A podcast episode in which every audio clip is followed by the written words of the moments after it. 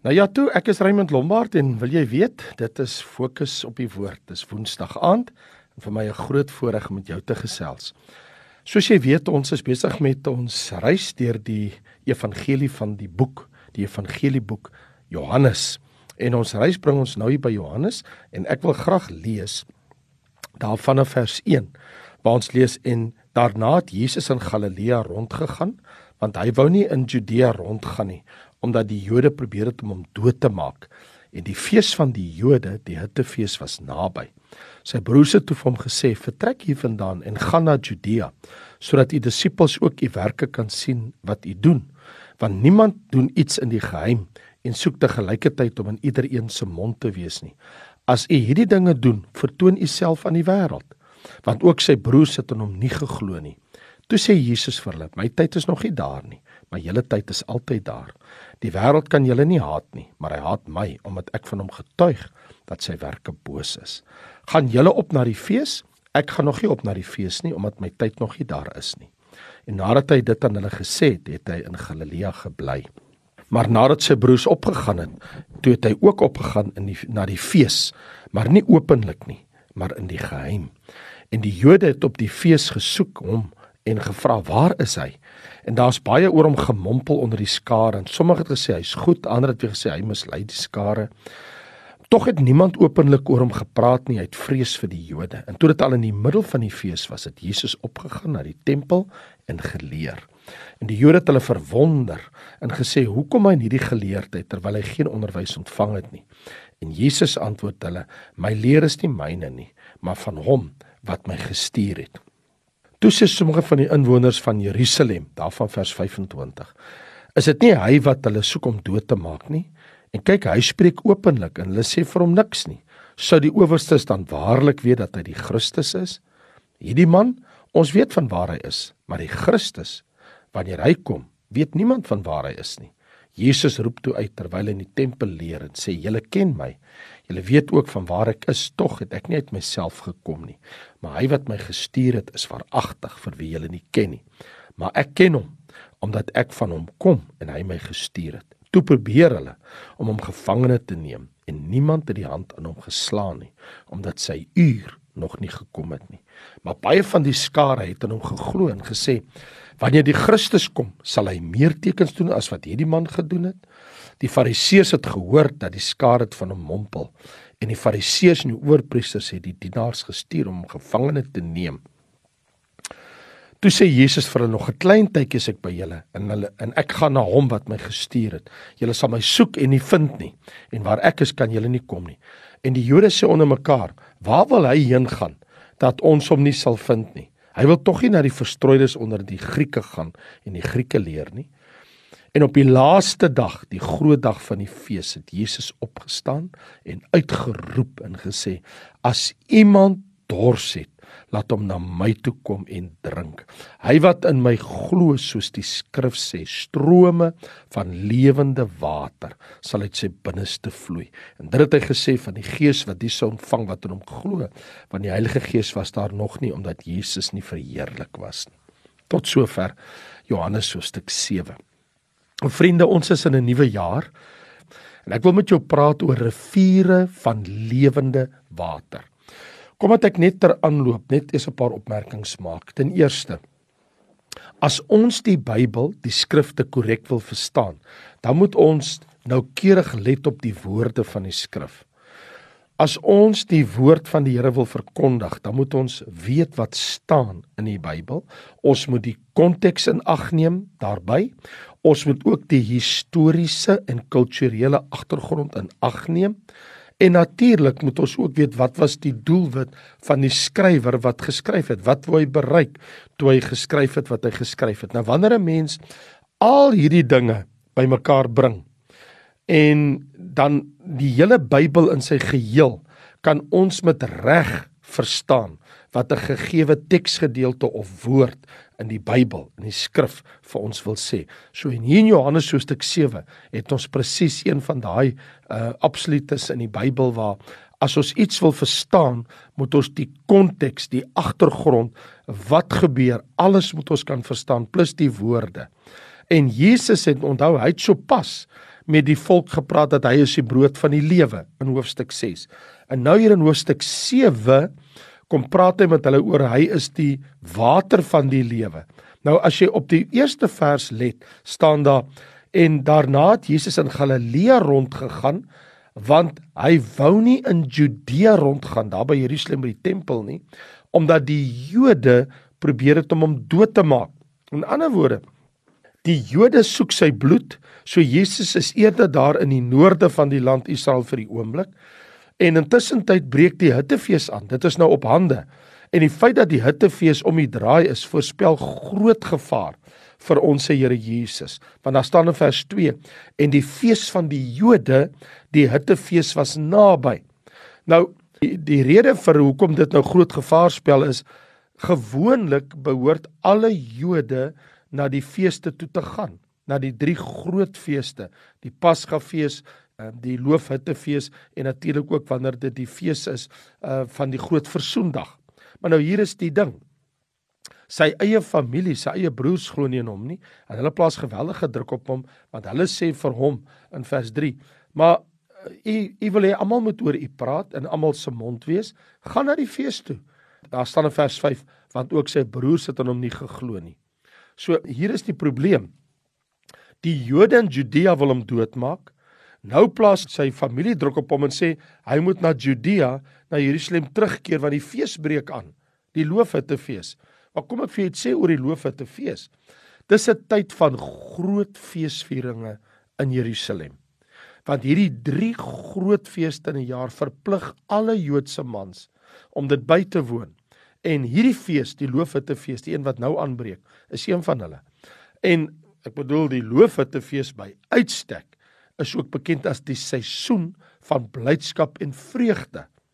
En so Jesus se antwoord teenoor hulle was: "Nee, dis nie nou my tyd om te gaan nie. Ek sal later gaan, maar gaan julle op na die fees. My tyd is nog nie daar om te gaan nie." En toe hy dit gesê het, toe bly in Galilea en sy broers het toe opgegaan. Nou lees ons nadat sy broers gegaan het, het Jesus gaan maar hierdie keer in die geheim sodat hy nie bekend is op hierdie stadium nie. So hy maak hom gereed vir een van die grootste oomblikke van sy lewe. En wil ek ook sê moontlik behalwe vir sy kruisiging en sy opstanding en sy hemelvaart is hierdie gebeurtenis die een wat nou gaan gebeur wat gaan plaasvind een van die mees dramatiese gebeurtenisse in Jesus se lewe. Want kyk, as jy die tekste mooi volg, dan sal jy sien die intensiteit is besig om op te bou in vers 14. Uh toe dit in die middel van die fees was, van die skare loop en mompel vra waar is hy? Waar is hy? Hoekom is hy nie hierdie jaar by die fees nie? Almal soek hom. Mense soek hom. In die volgende oomblik lees ons in vers 14. En toe dit in die middel van die fees was, het Jesus opgegaan na die tempel en geleer. Skielik in die middel van die fees maak Jesus sy opwagting by die tempel en hy begin hulle leer. In die volgende verse en die mense sê maar waar kry hierdie wysheid vandaan? Waar kom hierdie geleerdheid? En hulle sê in die Joodse leiers, hulle het die hele tyd gesê waar is hy want ons moet gevangene neem. Nou is hulle verwonderd en verbaas. Waar kry hierdie goddelike wysheid vandaan? En Jesus sê my Vader het my gestuur het. En hy sê vir hulle, maar hoekom wil julle my om die lewe bring? In vers 19. Waarom wil julle my om die lewe bring? En hulle antwoord hom: "Maar ons dink u's paranoïes of u's vol van die duiwel." Ek bedoel, ons wil nie om die lewe bring nie. Hulle sê vir Jesus: "U's van die duiwel besete. Wie wil u om die lewe bring?" Wel, hulle het net 'n paar hoofstukke verder toe skree hulle almal dat hom gekruisig word en toe is hy gekruisig. Maar nou sit die mense in die skare en hulle is nou almal aan die praat. Vers 25. Sommige van die inwoners sê van Jerusalem: Is dit nie hy wat hulle soek om dood te maak nie? Kyk, hy praat dan nou openlik. Hoekom sê hulle niks vir hom nie? Sou die owerstes dan waarlik weet dat hy werklik die Christus is? En met dit gaan Jesus oor tot aksie. En Jesus roep uit in die tempel. Hy sê julle ken my en julle weet van waar ek is. Hy sê, maar ek het nie uit myself gekom nie. Hy wat my gestuur het is waaragtig. Vers 30. Toe probeer hulle om hom gevangene te neem. Maar niemand het die hand aan hom geslaan want sy tyd is nog nie daar nie. Maar nou nie net die skare nie. Nou gaan die fariseërs ook oor tot aksie. Baie van die skare het geglo En die Fariseërs sê in vers 32, hulle hoor die skare mompel en hulle sê, "Maar kom ons stuur van die tempelpolisie, van die dienaars om hom gevangene te neem." Maar Jesus is meer in beheer as wat enigeen op daai oomblik was. Jesus kies die regte psigologiese oomblik. Jesus se woorde is kragtig en op 'n dramatiese wyse bring hy ons sagtelike, heerlike, geestelike waarheid na vore want ons lees en op die laaste dag, die groot dag van die fees, het Jesus opgestaan en uitgeroep: As iemand dors het, laat hom na my toe kom en drink. Hy wat in my glo, soos die skrif sê, strome van lewende water sal uit sy binneste vloei. Nou dit is die laaste dag van die fees. Nou dis die hoogtepunt, dis die klimaks van die laaste fees ook in die jaar. Dis mos die oomblik wanneer die priesters wat hulle om die altaar geloop het met die water met 'n houer op die platform klim, hulle lig die water op en die mense begin skree, "Hoekom?" Die rede vir hierdie loofhuttefees is mos juis ons het in die woestyn gebly en ons het dors gehad, maar Moses het mos met die met die rots gespreek en dit vir ons water gegee, op ander staan met die rots geslaan en dit vir ons water gegee. So die Jode het hierdie loofhuttefees is deel van die herinnering van hulle woestyntogte en toe hulle so dors gehad het in die woestyn en nou gee die Here vir hulle oorvloed van water. So die priester loop met die houer water op die platform van die tabernakel en die mense skree lig dit hoor, lig dit hoor voordat dit uitgestort word. En op daai oomblik spring Jesus op. En hy sê as iemand dors het, hier is die uitnodiging. As iemand vir almal wat dors het, wie dors na die Gees, wie dors na geregtigheid, wie 'n geestelike dors het, laat hom na my toe kom en drink. Daar's nie meer 'n gewag nie. Daar's daar's nie meer 'n later nie. Dis nou strome van lewende water sal uit sy binneste vloei water soos H2O om ons dors te les. So sal die Gees ons siele dors les. Dit bring tevredenheid, dit bring vervulling. Daardie deel van ons menswees wat nooit tevrede gestel kan word behalwe wanneer ons die gees van God ontvang, behalwe wanneer ons die lewende water ontvang. Dit alleen kan ons siele tevrede stel. Hierdie strome van lewende water wat in ons vloei en deur ons vloei, vloei ook na ander toe en word ons 'n seën ook vir ander mense. Nie net 'n rivier nie, Jesus sê strome, riviere, riviere wat vloei uit ons binneste uit.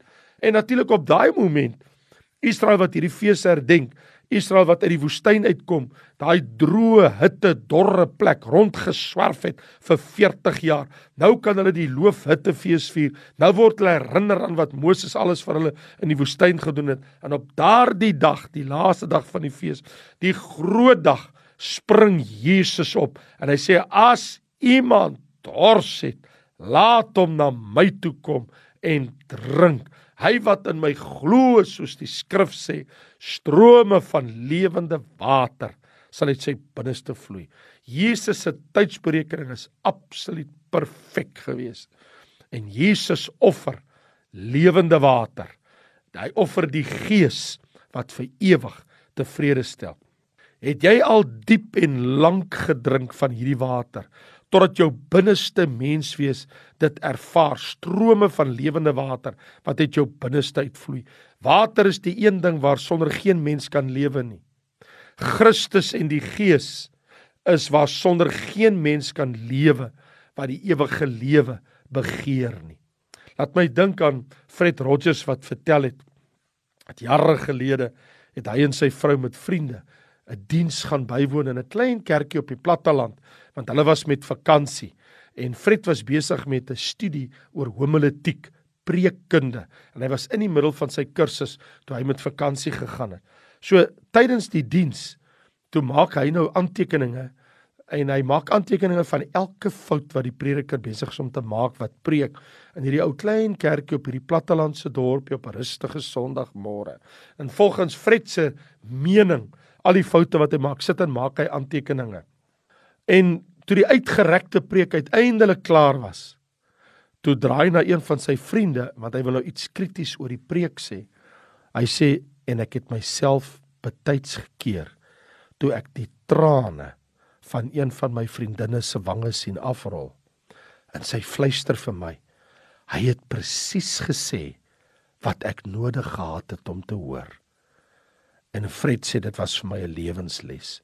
Ek was besig om die man te oordeel, maar sy het 'n behoefte gehad. Jy sien die Heilige Gees voldoen aan ons behoeftes.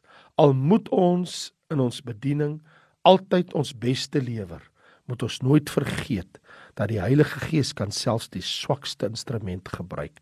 Riviere van lewende water is wat Jesus aanbied. Die Heilige Gees kan deur elkeen van ons werk in hierdie nuwe jaar.